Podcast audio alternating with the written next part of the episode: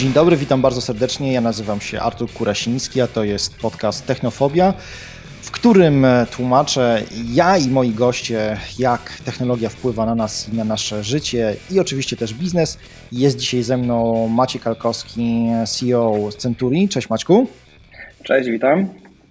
I właśnie zacząć e, chciałbym od tego, o czym rozmawialiśmy, zanim zaczęliśmy nagranie, czyli od tego, co obecnie robisz, kim jesteś tak naprawdę i jakie projekty, jakie projekty obecnie realizujesz. Obecnie można powiedzieć, że tylko dwie role pełnię. E, jestem prezesem zarządu Century, spółka akcyjna e, i jestem mężem i ojcem, do czego do tych dwóch rzeczy właśnie zdecydowałem się zmniejszyć swoje zaangażowanie w ostatnich latach. Okej. Okay. Czyli jest tak, że teraz e, starasz się bardziej łączyć, e, znaczy taki work-life balance zachowywać, czy, czy zupełnie wywróciłeś to do góry nogami i po, chcesz poukładać to na nowo? Wiesz co, no to, to jest trochę tak, że w pewnym momencie, kiedy zaczynasz zauważać, że ty masz work-work balance, e, no musisz się skupić też na mm, sprawach rodzinnych i to, o czym rozmawialiśmy przed chwilą, to rzeczywiście ja też tak naprawdę e, jestem zatrudniony w roli adiunkta na Uniwersytecie Adama Mickiewicza w Poznaniu. E, na dzisiaj e, nie jestem aktywny zawodowo, to znaczy jestem na urlopie wychowawczym, ale no w pewnym momencie sobie zdałem sprawę z tego, że nie jestem w stanie wywiązywać się dobrze ze wszystkich swoich zobowiązań i musiałem się skupić tak naprawdę do tej pracy w Centurii i no, reszta idzie w całości na rodzinę. I tutaj zaczyna ten work-life balance być, natomiast wiesz jak to jest w biznesie, jak to jest kiedy się prowadzi własną firmę, e, jak w tych memach mówią właśnie work-work balance, więc e, tutaj ten balans może nie jest idealnym słowem, ale staram się robić bardzo dobrze dwie rzeczy i nie więcej. Wiesz co, podziwiam, bo y, ja głośno mówię o tym, że mam problem. Mam takie biznesowe ADHD, które nie jest dobre. Myślę, że dla większości osób nie jest dobre. Dlatego tym bardziej szanuję i podziwiam ludzi, którzy są w stanie ociosać to swoją rzeczywistość i skupić się tylko na tych rzeczach, które naprawdę uważają za, za ważne. Więc szapoba, może jakieś do tego też dojdę, dojrzeję i będę, będę w stanie tylko robić jedno albo maks dwie rzeczy. E, ale, ale podziwiam i, i kibicuję. To dobrze, to w takim razie mm, zostawiłeś sobie kierowanie spółką Centuria, która zajmuje się czym dokładnie? Centuria jest tak naprawdę firmą, która z języka angielskiego, w języku angielskim e, występuje pod hasłem Managed Service Provider, czyli e, dostawca usług zarządzanych. To jest bardzo szerokie pojęcie, bo dochodzi generalnie o outsourcing procesu i dostarczenie pewnej usługi, e, którą my zarządzamy. My się zajmujemy utrzymaniem ciągłości działania systemów IT. Idea jest taka, że każde mm, narzędzie, z którego dzisiaj korzystamy, no ono jest oczywiście stworzone przez programistów e, w taki lub inny sposób. No już tutaj dochodzimy do miejsca, w którym wiele rzeczy da się wyklikać automatycznie, ale nadal jest ono tworzone przez programistów e, w dużym stopniu i e, ona musi chodzić na jakichś serwerach, na cloudzie, na serwerach dedykowanych, czy e, w jakichś hybrydowych rozwiązaniach, część, część cloudowo, część e, serwery dedykowane. I Centuria zajmuje się 24 na 7 supportem, monitorowaniem dosyć dużych środowisk IT i reagowaniem na awarie, przede wszystkim unikaniem tych awarii, przygotowaniem e, na przykład pod takie zdarzenia jak Black Friday, czyli mamy sytuację bardzo dużych pików obciążeniowych i przeanalizowaniem, gdzie należy e, położyć nacisk, w jaki sposób się przygotować, żeby ten piękny dzień, który dla handlu elektronicznego e, jest dosyć ważny, żeby nie przerodził się w porażkę, że klienci wchodzą i nic nie działa. Więc y, w dużym uproszczeniu Centuria po prostu zajmuje się utrzymaniem ciągłości działania systemów IT w dużym stopniu, e, a w zasadzie na dzisiaj skupiamy się głównie na segmencie e-commerce. Mhm, ale te skupienie się na segmencie e-commerce wynika, nie wiem, z Twojego jakiegoś zafascynowania tą branżą, czy jest jakimś takim logicznym e, elementem Waszej strategii? Wiesz co, to jest raczej logiczny element naszej strategii. My, e, ja firmę założyłem w 2006 roku i to jest taki paradoks. My e, zaczynaliśmy i mieliśmy bardzo dużą wiedzę z wielu różnych dziedzin. I tutaj nawiążę być może za chwilę do tego skupienia się na jednej rzeczy, My potrafiliśmy zarządzać serwerami Windowsowymi, Linuxowymi, sieciami storage'owymi, sieciami e, telekomunikacyjnymi. E, mieliśmy software house i to wszystko było w jakichś pięciu osobach. Wow. I po prostu e, wiesz co, ja na, za czasów studenckich starałem się, bardzo się angażowałem w kole naukowym. E, I w tym kole naukowym trafiałem na bardzo zdolne osoby. E, miałem przyjemność naprawdę poznać niesamowicie e, zdolne, szybko uczące się osoby. I z tymi osobami też pracowałem na początku, powiedzmy, w takiej formie freelancerskiej, pracowałem też na uczelni, zarządzaliśmy laboratoriami i założyłem z nimi firmę. I problem z, u takich osób jest to, że to wszystko wydaje się proste. I my tak naprawdę skupiliśmy się bardzo na technologii, potrafiliśmy wszystko robić, przysłowiowo wszystko oczywiście, ale bardzo szeroki e, zakres technologiczny. I, I to wszystko nie szło. Wiesz, to jest tak, że e, okej, okay, no mieliśmy, rozwijaliśmy się początkowo, wiesz, to takie e, powiedzmy złapanie wiatru e, w żagiel i firma no, na początku się rozwijała praktycznie dwukrotnie w skali pół roku, czyli wiesz, no przejść z powiedzmy 30 tysięcy przychodów w pierwszym roku na 60, w, w pierwszym półroczu na 60 tysięcy e, powiedzmy gdzieś tam w drugim półroczu, no to jest łatwo. I tak dalej możesz rosnąć, ale przy jakimś progu paru milionów e, przyszło nam wyhamowanie. No podejrzewam, że to był gdzieś próg rzędu 2-3 milionów przychodu E, rocznego i przyszło nam wyhamowanie i my nie mogliśmy złapać, e, znaczy nie czuliśmy jakiejś frajdy z tego, co robimy i ten model biznesowy jakby nam nie pracował. To znaczy trudno nam było zbudować marżę i okazało się w ostatecznym rozrachunku, że my musieliśmy bardzo, bardzo zawęzić nasz zakres zainteresowania. I ten fokus, o którym mówiłem, e, czyli skupienie się na centurii i po prostu centuria i życie domowe, czyli to, co nie jest życiem zawodowym, takie dwa aspekty, to jest tak naprawdę wieloletni wniosek wyciągnięty e, z popełnianych błędów, e, bo robienie wszystkiego nie oznacza, że robisz to dobrze. My jako firma teoretycznie zajmujemy się hostingiem i zarządzaniem cloudami, czyli w zasadzie no, nie jest to jakiś wielki wyróżnik, jest wiele firm na rynku, które to robią, ale my postanowiliśmy się skupić na segmencie e-commerce, E, I to e, wynikało z analizy, że my e, mamy wysokie kompetencje technologiczne, potrafimy za, zrozumieć i zaadresować problemy e-commerce'ów średniej i dużej skali. Czyli jak tutaj mówimy o, o powiedzmy systemie, który ma milion produktów na magazynie, czyli tak zwanych tam SKU, milion i i ma sprzedaż rzędu 100 tysięcy e, transakcji dziennie, my jesteśmy w stanie przygotować systemy serwerowe pod to, żeby one obsłużyły ten ruch i żeby to nie była porażka. A w pewnym miejscu, e, w pewnym momencie to jest bardzo trudne. I tutaj już niewiele firm jest w stanie dojść do takiego poziomu, że oni powiedzą: OK, my te problemy e-commerce zaadresujemy nie tylko e, dzisiaj, ale zaadresujemy je w jakiejś fali, w dłuższej fali, w długim terminie i możecie na nas liczyć nie wiem, za, za 2, 3, 5 lat, że my zawsze dla Was znajdziemy odpowiedź, jak przygotować się na kolejny krok w, w rozwoju Waszego biznesu. I stąd tak naprawdę przyszło skupienie się na e-commerce. Przeanalizowaliśmy kilka branż, gdzie jesteśmy najmocniejsi i, i po prostu wygrał e-commerce. To było takie bardziej strategiczne i, i logiczna konsekwencja miejsca, w którym, miejsca, w którym się znaleźliśmy, aniżeli powiedzmy taki czysty przypadek. Oczywiście to miejsce też częściowo wynikało z przypadku, gdzie się znaleźliśmy, ale e, od paru lat jest to już taka naturalna konsekwencja decyzji strategicznych, które e, podjęliśmy w okolicy 2016 roku.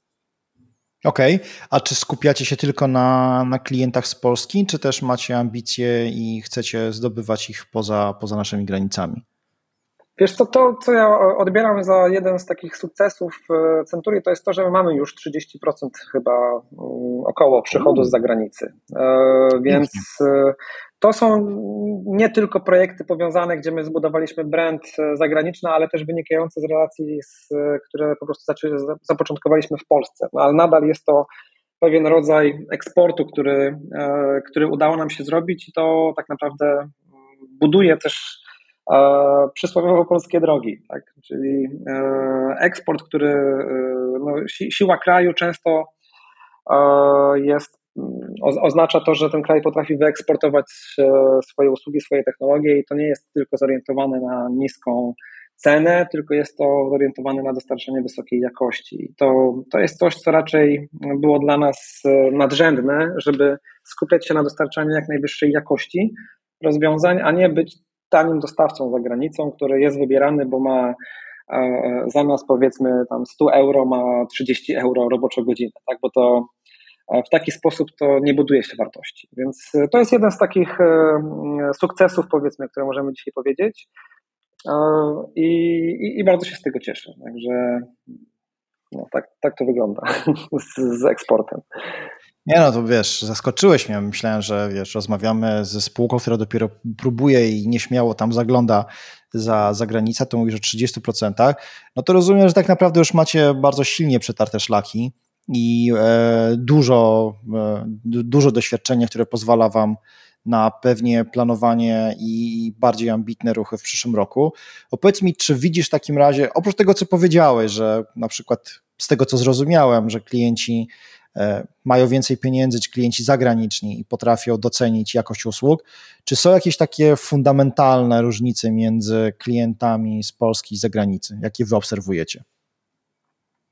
Wiesz co, hmm, trudno powiedzieć, tak gdybym miał odpowiedzieć szczerze, nie ma fundamentalnych różnic. Bardziej to jest kwestia segmentu, z którym się pracuje. Czyli kiedy yy, pracujesz, dzieląc powiedzmy segment na jakieś firmy startujące, które oglądają każdą złotówkę, firmy średnie, które są na trendzie mocno wz wzrastającym i, i, firmy bardzo duże, które no już mają wolumen, mają marże i zupełnie inaczej patrzą na swoje problemy, to tak naprawdę, mm, kiedy spojrzysz z perspektywy takiej, to te segmenty są dość zbliżone.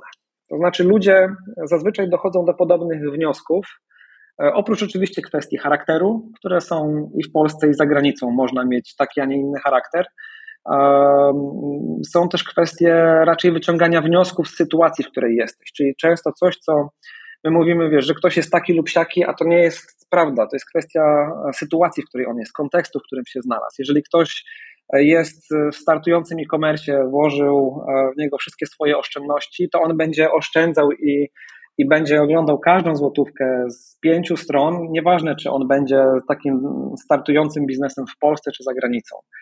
Natomiast to, co raczej, o, jaka jest różnica między Polską a zagranicą, tutaj tak mówiąc przysłowiowo, oczywiście myślimy o Zachodzie, o tych krajach bogatszych, to jest to, że tam jest więcej ilościowo firm, które stać na to, żeby e, spojrzeć długoterminowo i dokonać pewnych inwestycji. I tutaj jest główna różnica, czyli to nie jest kwestia E, jako tako konkretnie, że to jest zagranica versus Polska, tylko kontekstu, w którym są osoby, w którym są firmy, e, w którym momencie życia one się znajdują i tak dalej. Więc e, to jest chyba kluczowa różnica. Natomiast wiesz, ja bym też spadł na ziemię. My nie jesteśmy jeszcze, ja próbując parę lat temu mocno robiąc wyjście za granicę. Ja spędziłem kiedyś trzy miesiące w Nowym Jorku, próbując właśnie tam założyliśmy spółkę i, i próbując rzeczywiście zaadresować ten rynek, to mogę Tobie to powiedzieć, że ja dzisiaj wiem, jak daleko jestem, wiem, jak trudne wyzwanie to jest. I, I jeszcze nie nazwałbym Centurii spółką, która e, ma dobrze zbudowany model e, za granicą, pomimo, że mam bardzo dużo relacji e, z osobami ze świata e-commerce'u, w zasadzie z całego świata. Nawet tak naprawdę udało mi się zostać członkiem zarządu organizacji MageOS, e, która e, jest to typowa organizacja zrzeszająca firmy związane ze światem Magento. To jest framework e-commerce'owy, w zasadzie dzisiaj wiodący w Polsce i na świecie. I pomimo, że ja mam bardzo dużo relacji i to też otwiera oczywiście kontakty, to jeszcze nie czuję, to, to wiem, jak trudne jest rozpoczęcie sprzedaży za granicą i zrobienie tego, zbudowanie brandu, zbudowanie całego modelu, który będzie powtarzalny i który nie będzie bazował na heroicznym wysiłku, pospolitym ruszeniu, tylko po prostu będzie systemowy, trochę nawiązując do tej naszej centurii nazwy, trochę jak e, systemowy model wojska rzymskiego czy generalnie Rzymu. Tak? To nie, nie będzie to pospolite ruszenie, tylko to po prostu będzie wynikało z dobrego przygotowania planu i systemowego podejścia, to ja wiem jeszcze, jak dużo jest przed nami i jak trudne jest wyjście za granicę. Także jeżeli ktoś słucha i, i liczy, że to jest proste, to moje doświadczenia przynajmniej mówią, że to jest raczej duże wyzwanie, przede wszystkim inwestycyjne, organizacyjne i, i z tym trzeba się zmierzyć i odpowiedzieć sobie szczerze na pytania, kiedy i, i, i, czy ja wiem dokładnie, jak to zrobić. Także ja dzisiaj wiem, czego nie wiem. E, I to już jest powiedzmy krok w dobrą stronę. E, I wiem, co jest trudne. E, także pod tym kątem jesteśmy przygotowani i rzeczywiście mamy na agendzie to zaadresowanie lepsze rynków poza Polską. Natomiast dzisiaj nadal bardzo duże skupienie idzie na rynek polski. No, zaimponowałeś mi mówiąc o tym, że spędziłeś tyle czasu w Nowym Jorku, bo to jednak jest e, z mojej perspektywy jedno z najbardziej a, konkurencyjnych miast, środowisk biznesowych do prowadzenia e, swojej firmy.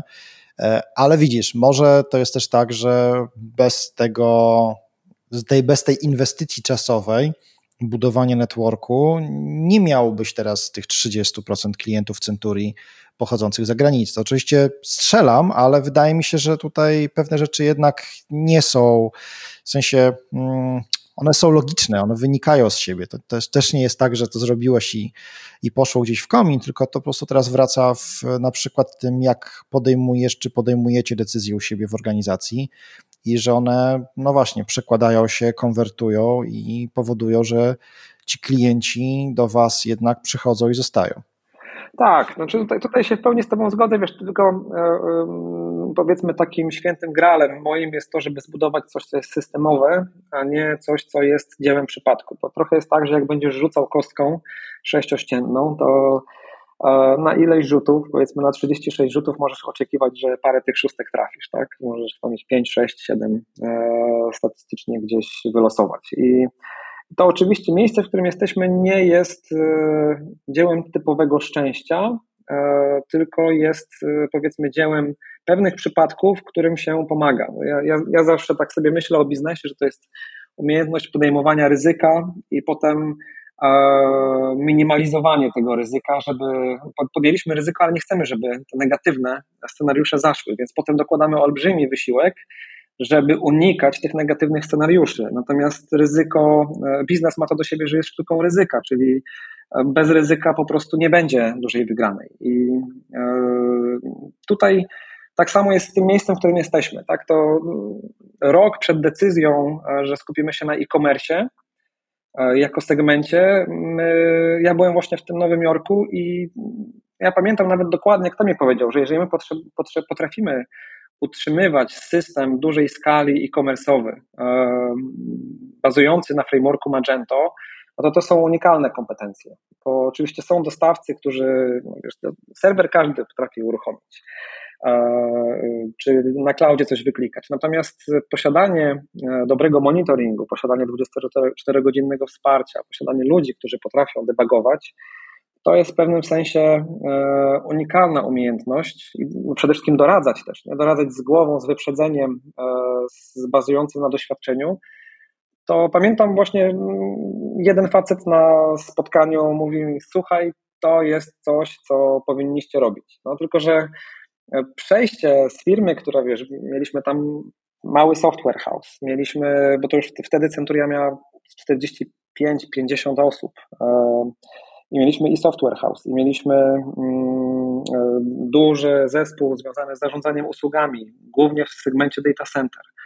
I podjęcie decyzji, że wiesz, ucinasz, my, my ucięliśmy e, ponad 50% swojego biznesu. To znaczy, pozwoliliśmy jednemu 12-osobowemu zespołowi, zaproponowaliśmy, że mogą przejść do naszego klienta, e, żeby, żeby skupić się tylko i wyłącznie na świadczeniu usług i na odciąć się od segmentu data center, który uznaliśmy, że on z punktu widzenia naszego nie będzie tak przyszłościowy jak segment e-commerce. I to wiesz, to, takie decyzje nie są proste. E, to zajęło kolejny rok co najmniej, e, żebyśmy do tego dojrzeli. I, I tak naprawdę też pewnie bez pomocy e, kilku osób mogłoby się to w ogóle okazać niemożliwe. Tak? To mogło być bardzo trudne lub trwało, trwałoby dużo dłużej. Także to jest kwestia taka, tak jak mówisz, że trochę to szczęście, czy pewne działania one stymulują. Tak? Wyjeżdżasz do innego kontekstu, do innego świata, ja oczywiście no ja do tego Nowego Jorku wyjechałem typowo w kierunku poszukiwania no, no, nowego, głównego mm, tematu dla Centurii, czyli właśnie poszukiwania strategicznego segmentu, co my powinniśmy robić. Czy to powinny być cloudy, czy to powinien być jakiś web performance, czy software. Wtedy, no, wtedy chyba tak naprawdę głównym, wiodącym tematem takim hype'owym był, był cloud oczywiście, no ale co ten cloud oznacza, bo to też wiesz, ma 100 znaczeń różnych. Także e, tak, to, to, jest, to jest dzieło oczywiście wypracowane, to gdzie jesteśmy. Więc tak, gdybym miał powiedzieć, to ja czuję, że to jest miejsce, które nie, sta, nie, nie stało się przypadkowo, tylko ono po prostu baz, bazując na wielu różnych doświadczeniach, doszliśmy do miejsca, w którym jesteśmy. I te nasze przychody, e, czy, czy po prostu sytuacja, miejsce, w którym się znaleźliśmy, ono e, jest wypracowane. Tak, takie przynajmniej mam dzisiaj poczucie.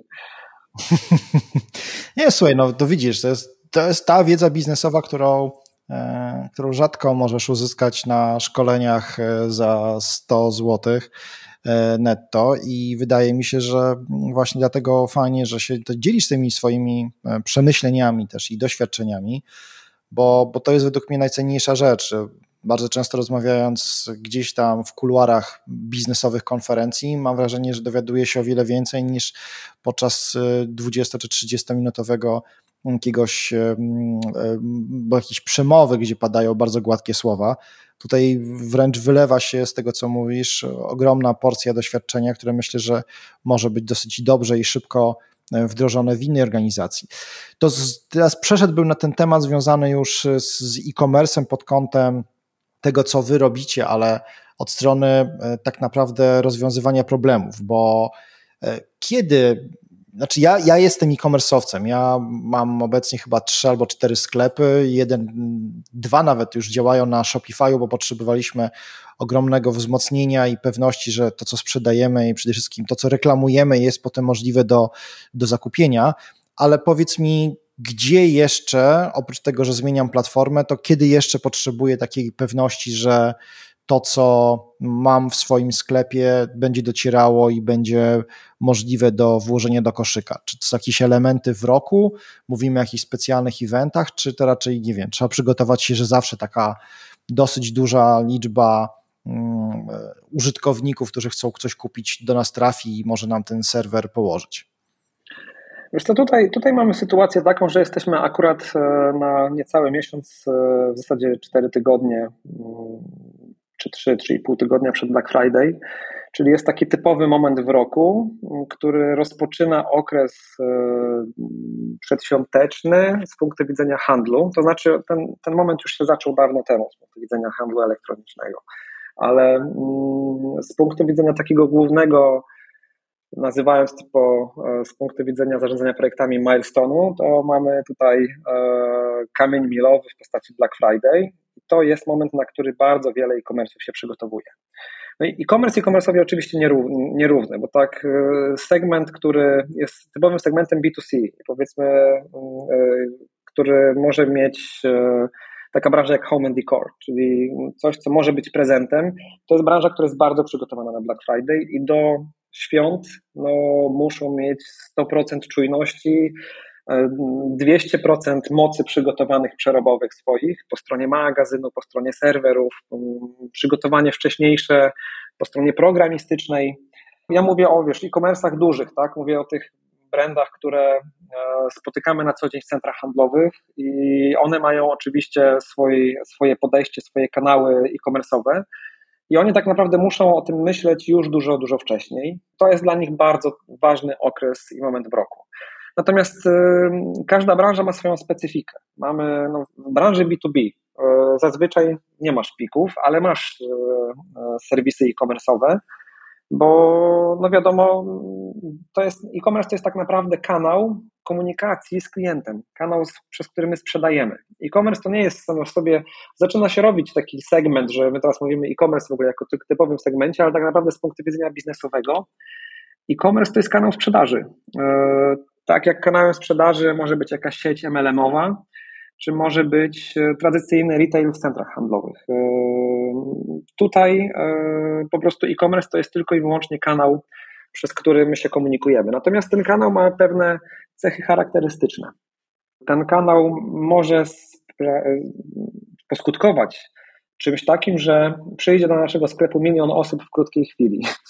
Jak wyślemy e, mailing do, e, do wielkiej bazy e, adresów, no to wiadomo, jeżeli zrobimy to w jakimś punktowym momencie, no to nagle wchodzi do naszego sklepu olbrzymia ilość osób, no i coś, co w tradycyjnym sklepie, gdzie masz też punkty sprzedaży, też masz łączność z systemami e, płatności, z magazynem i tak dalej, z wydawaniem towaru, no bo czy, czy go klient sam weźmie, czy, czy, czy ekspedient poda, to jest powiedzmy tam druga kwestia, ale no jest jakaś pewna pojemność sklepu.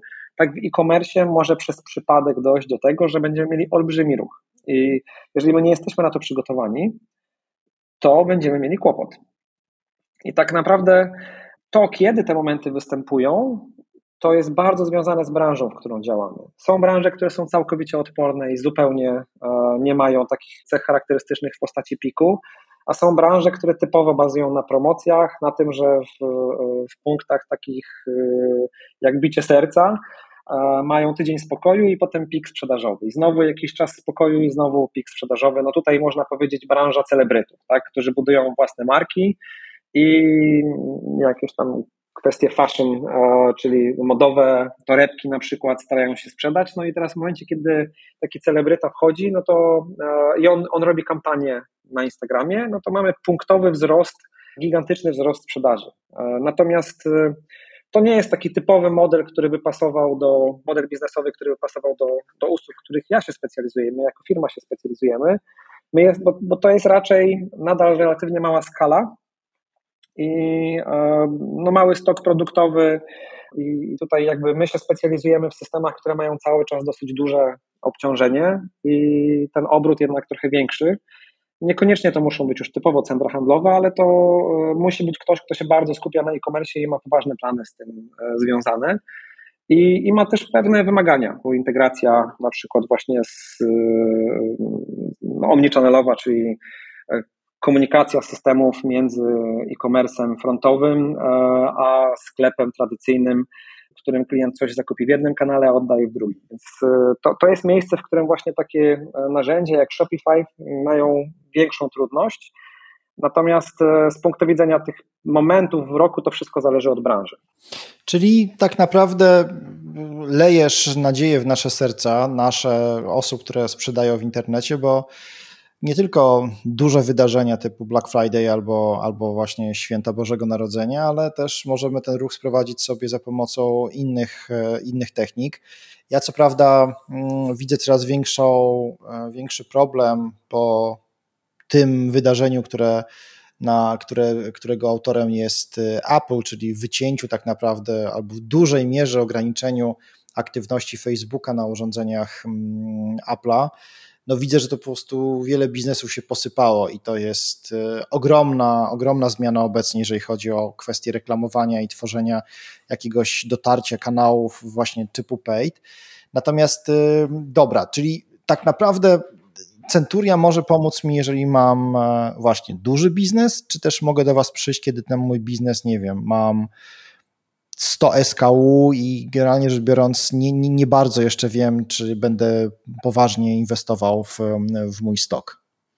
Wiesz co, na, pewno jeżeli nie masz, yy, zacząłeś sklep, zacząłeś e, budować e-commerce, tak, czyli są to początki, to zdecydowanie lepiej uczyć się yy, na narzędziach typu SaaS, czyli wejście na przykład w Shopify to jest bardzo dobra decyzja.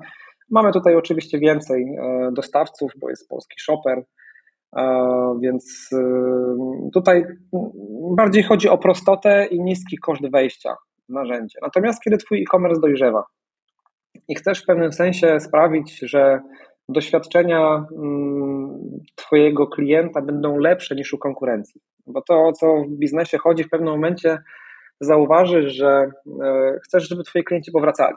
A jeżeli chcesz, żeby klienci powracali, no to nie tylko możesz ich atakować kolejnymi promocjami i jakimś mailingiem, ale dobrze jest zrobić e, system, w którym klient ma bardzo dobre doświadczenie e, biznesowe, doświadczenie korzystania z, ze współpracy z Tobą. I tutaj wchodzi w grę rozbudowywanie systemu o nowe funkcje, o czegoś, czego nie ma konkurencja. I to jest klucz tutaj, już nie, nie chcę odwoływać się do, e, do na przykład aplikacji Imposta, tak, bo ona może mieć swoje wady, zapewne, ja, ja tutaj może wiele wad nie wskażę, ale na pewno są osoby, które by były w stanie e, wskazywać wady pewnych systemów. Natomiast e, doświadczenie zakupowe w postaci tego, że ja mam aplikację, która mnie informuje, ja mogę sam sobie skrytkę zdalnie otworzyć i tak dalej, ono jest dużą wartością dodaną z punktu widzenia klienta.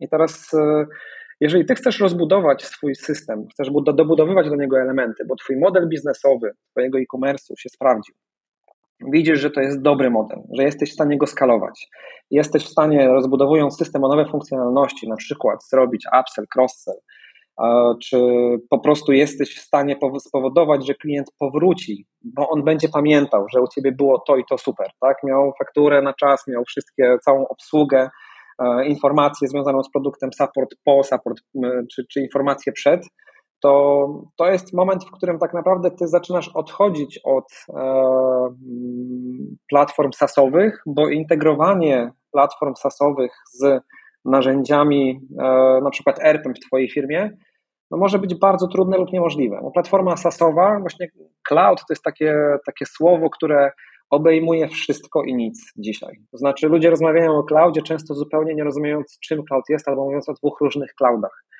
I e, SaaS to jest jeden z rodzajów clouda, i to jest wówczas świetne rozwiązanie dla startującego biznesu, ale wielka trudność i wielki bloker w rozwoju dla kogoś, kto już chce inwestować i wie, że u niego warto zainwestować 100, 200, 300 tysięcy w rozwój e, programistyczny, rozwój nowych funkcji. E, mm, I, I tak naprawdę wtedy jest miejsce, w którym ktoś mówi: OK, to ja już od SaaS muszę odejść i wchodzę na. Tutaj mam zespół deweloperski, który to będzie rozwijał.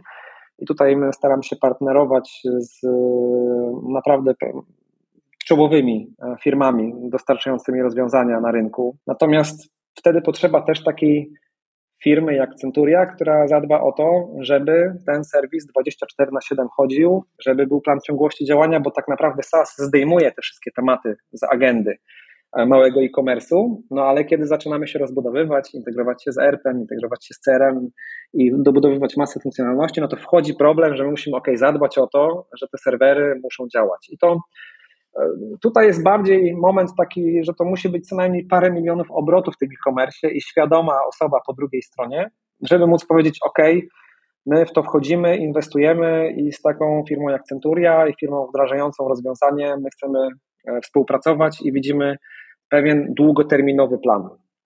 I, I, to jest bardziej e, coś, co, co uzależnia, czy ktoś powinien wejść w rozwiązanie sasowe, czy w rozwiązanie dedykowane. My się specjalizujemy w dedykowanych oczywiście i, e, i tutaj w tym obszarze e, mamy dość dużą ekspertyzę. Natomiast po prostu zdejmujemy ten problem, który w SaaSie zdjął SaaS, my, e, my go rozwiązujemy klientowi naszymi usługami. Okej, okay, czyli jednak jesteście partnerem dla klientów, którzy już mają większe doświadczenie, większe obroty, oczekują indywidualnych rozwiązań. Okej, okay, no dobra, to teraz tak. Mamy nadchodzące kilka takich dużych, e, dużych dat. Za, za, moment dosłownie będzie, będzie Black Friday. Kiedy nagrywamy to, to jeszcze przed, jesteśmy przed nim, w związku z tym, jeżeli odsłuchacie to po nim, to kolejny Black Friday na pewno nadejdzie, w związku z tym możecie się trochę dłużej i lepiej do niego przygotować. Mm, jako Centuria stworzyliście taki podręcznik, e-book, który jest właśnie związany z tym, jak przygotować się, co się powinno wiedzieć jako e-commerce o Black Friday. Czy mógłbyś coś na ten temat powiedzieć więcej? Co, tak, ten, ten e-book jest tak naprawdę, jego podłoże wynika z naszego doświadczenia. Przygotowanie się do, do tak naprawdę dużego ruchu, czy generalnie rozwój biznesu i sam moment Black Friday to już jest trochę późno. No ostatnio my prowadzimy też e, nasze, ja prowadzę wystąpienia live, Centuria Live na LinkedIn i ostatnio właśnie rozmawialiśmy z Mikołajem Zygmańskim na temat tego, kiedy się e-commerce, bo e, on jest e, Chief Operations Officerem w jednym z wiodących e-commerce'ów w Polsce i On tak naprawdę zasugerował, że u niego przygotowanie się do Black Friday zaczyna się już w styczniu. Czyli mówimy tutaj o takim okresie od e, stycznia do listopada. On już w styczniu, on już w grudniu, styczniu zaczął myśleć o Black Friday w kolejnym roku, bo Black Friday to jest tylko i wyłącznie dzień, w którym albo ta przysłowiowa drużyna była przygotowana do rozegrania tego meczu, albo nie. Ale jeżeli zaczniesz się przygotowywać w październiku, licząc na to, że rozwiążesz wszystkie problemy, to raczej się nie uda. Po stronie serwerowej my jesteśmy w stanie dość dużo zrobić, e, powiedzmy na trzy miesiące przed.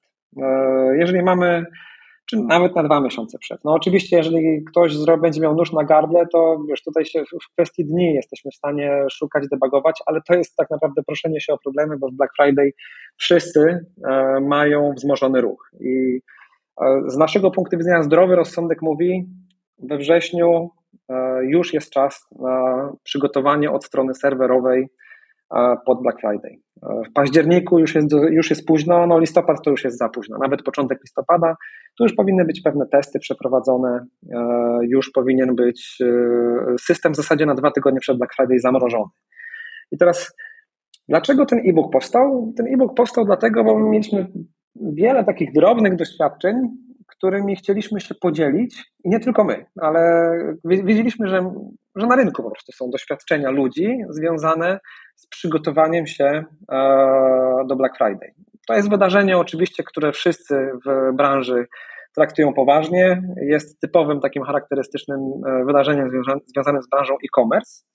Natomiast e, no, spisanie tych doświadczeń, spisanie rad, tam spora część to jest zespół Centurii, pewnie z 30-40% w tym e-booku, ale tak naprawdę my poprosiliśmy e, o, o swój wkład e, software house'y e, i reprezentantów e-commerce'u. Bo my tutaj skupiliśmy się nie na logistyce, powiedzmy, i nie na tych sprawach, na których się nie znamy, ale na technologii. No i technologia jest naturalnie powiązana z software house'ami. No i osoby mm, C-levelowe, czy osoby menadżerowie e-commerce'u napisali nam, podzielili się e, e, wieloma cennymi uwagami i tak naprawdę to jest główna wartość tego e-booka. Tam można znaleźć odpowiedzi i przeczytać i zobaczyć, kurczę, ja nie pomyślałem o tym, tak? Ja nie pomyślałem o tym, że na dwa tygodnie przed Black Friday warto jest już nie wdrażać żadnej nowej funkcji. Rok temu wdrożyliśmy i coś wolno koszyk działa. I teraz ten My tutaj mówimy wiesz, o, o dosyć dużych pikach, no, rzędu tysięcy transakcji na godzinę. Jeżeli ktoś przy takim ruchu będzie miał wolno działający koszyk, no to, to jest pewien problem, bo zmniejsza, spada konwersja, więc zmniejsza się e, wynik w danym dniu i w ogóle wynik w całej kampanii od Black Friday e, dalej. Także e, to jest ten, ten e-book raczej powstał po to, żeby ludziom odpowiedzieć i pomóc na pytanie, jak przygotować się do Black Friday, na co zwrócić uwagę e, i no, rad, rad udzielali specjaliści. Mhm. No dobrze, czyli powiem szczerze, nie wlewasz nadziei w serca ludzi, którzy zaczęli myśleć o przygotowaniu do Black Friday wczoraj, e, przedwczoraj albo tydzień przed początkiem listopada, bo tak naprawdę to jest już e, pozamiatane. Wiesz, ja nie, nie chciałbym okay. ciebie dołować, bo tak jak mówiłeś, też masz swoje.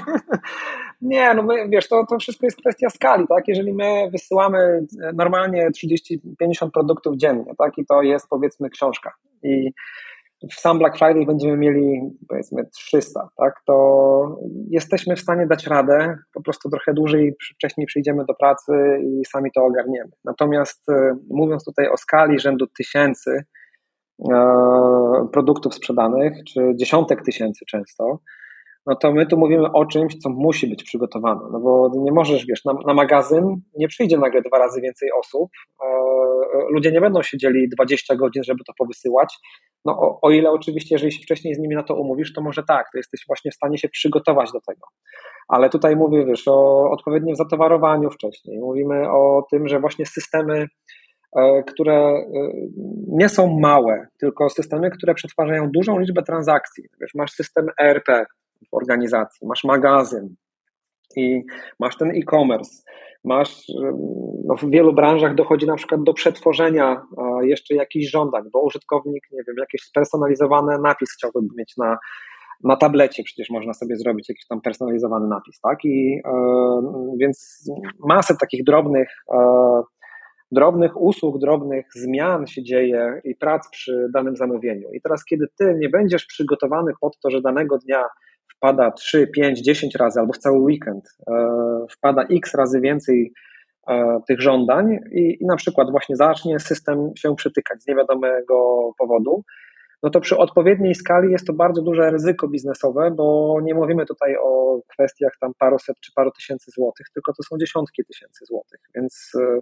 i tutaj jest tak, taka teoria wąskich gardeł, czyli system jest tak wydajny, jakiego najwęższe gardło. Jeżeli będziesz miał wszystko przygotowane, ale po stronie serwera nie będzie działało, albo po stronie programistycznej na froncie coś nie będzie gotowe, czy właśnie logistyka nie zadziała, no to potem się okaże, albo wiesz, systemy paymentowe z jakiegoś powodu, nie wiem, odetną ciebie, tak? E, jest masę rzeczy, które mogą e, zajść negatywne i ty nie będziesz na to przygotowany, no to, to tak naprawdę stracisz olbrzymi potencjał, tak?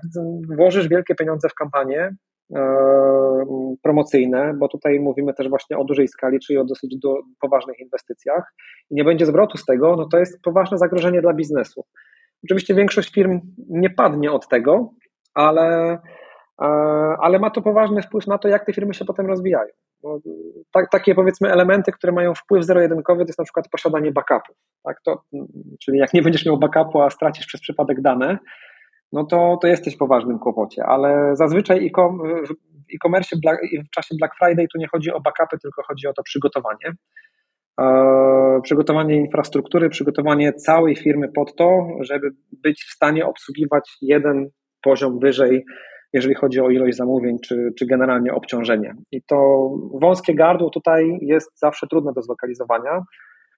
A w branży mojej niestety pech jest taki, że firmy lubią rozwiązywać e, problemy przez takie szumne hasła jak cloud, że cloud wiesz, ze wszystkim da radę i tak dalej. No ja będąc osobą, która, tak jak mówiłem wcześniej, jestem też zaangażowany naukowo na uczelni i rozumiem systemy dosyć dogłębnie, te, te takie hype'owe hasła nie pomagają, bo tak naprawdę one powodują, że biznesy tracą czujność. E, I wtedy w Black Friday właśnie mamy kłopot, bo jeżeli ktoś wierzył, wierzył w magię, to nie zawsze ta magia działa, tak? Magia słów e, e, szumnych, czyli hypowych, e, którymi się dzisiaj ludzie lubią posługiwać.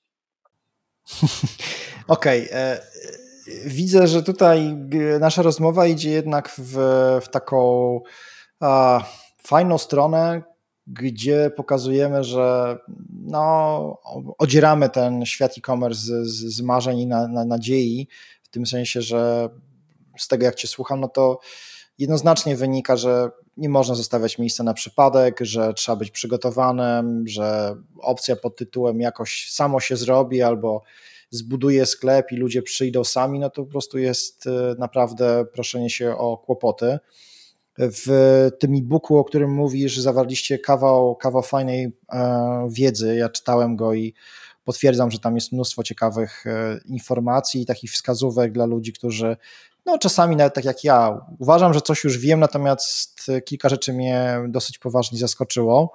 E, jakbyś mógł na koniec naszej rozmowy podać takie trzy najważniejsze rady podsumowujące dla na przykład e-commerce menadżerów z punktu widzenia IT. Na co zwrócić uwagę, jak zrobić i co zrobić, żeby taka współpraca po prostu była, była lepsza? Wiesz to znaczy to jedna ważna tutaj kwestia to jest to, że ja e, zależy, któremu menadżerowi mm, daję radę, ale to, to o czym mówiłem, czyli my się skupiamy na tych menadżerach, którzy wiedzą, że w życiu nie, e, nie ma prostych e, rozwiązań i oni zajmują się już tymi dużymi projektami, tak? czyli średnimi, dużymi. Nie mówimy o startujących menadżerach, którzy właśnie swój e-commerce i, i, i tutaj będą zaczynali dopiero, ja raczej jestem w stanie dawać rady, stąd te, te, moje wypowiedzi są takie, wiesz, to wszystko zależy, to jest trudne, trzeba się przygotować. Więc e, dla, dla e-commerce managerów e, i generalnie no, właśnie tych, tych, tych osób, menadżerów, którzy odpowiadają i wiedzą, jak trudne jest zarządzanie w życiu, to e, takie powiedzmy trzy rady. To pierwsza by była przygotowanie się wcześniej do Black Friday. To chyba sobie zdają z tego sprawę i to jest też jeden z, w jaki sposób to zrobić, na co zwrócić uwagę, to jest jeden z takich punktów przewodnich, czy myśl, jedna z myśli przewodnich naszego e-booka. Druga rzecz to jest wybieranie dostawców i rozwiązań IT, ale generalnie rozwiązań.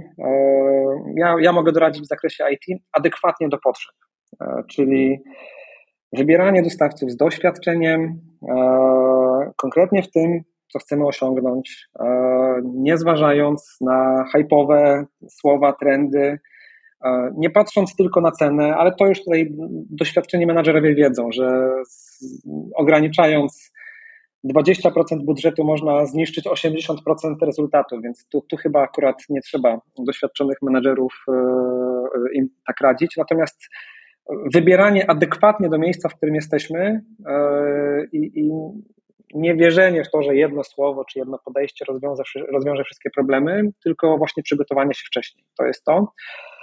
I powiedzmy ta trzecia e, rada to by była budowanie relacji e, w biznesie opartej na zaufaniu. To znaczy, jednym z takich jakby ważnych wartości w Centurii które staram się promować, jest e, szczere podejście, przyznawanie się do swoich błędów, do swoich ograniczeń, bo e, patrząc przez pryzmat współpracy wieloletniej, tak u nas większość klientów to, czy większość naszych projektów to są projekty, które mają bardzo, bardzo wiele lat, no tak 5 lat w górę. Mamy nawet w zasadzie kilku klientów, którzy są z nami od początku. Tak? E, więc e, zaufanie tutaj jest kluczowe. My będziemy popełniali błędy. Jeżeli ktoś obiecuje, że błędów nie popełnia, to znaczy, że nas oszukuje. Tak? Jeżeli obiecuje, że wszystko wie, jak rozwiązać i na 100% będzie dobrze, to ja bym tutaj miał bardzo e, dużą czujność podniesioną. To, co raczej jest rozwiązaniem, to właśnie ciężka praca, wyciąganie wniosków, i to ja staram się zawsze z zespołem przepracować nawet jeżeli już gdzieś była wpadka, bo każdy ją ma. Do Pentagonu się włamywali, do NASA.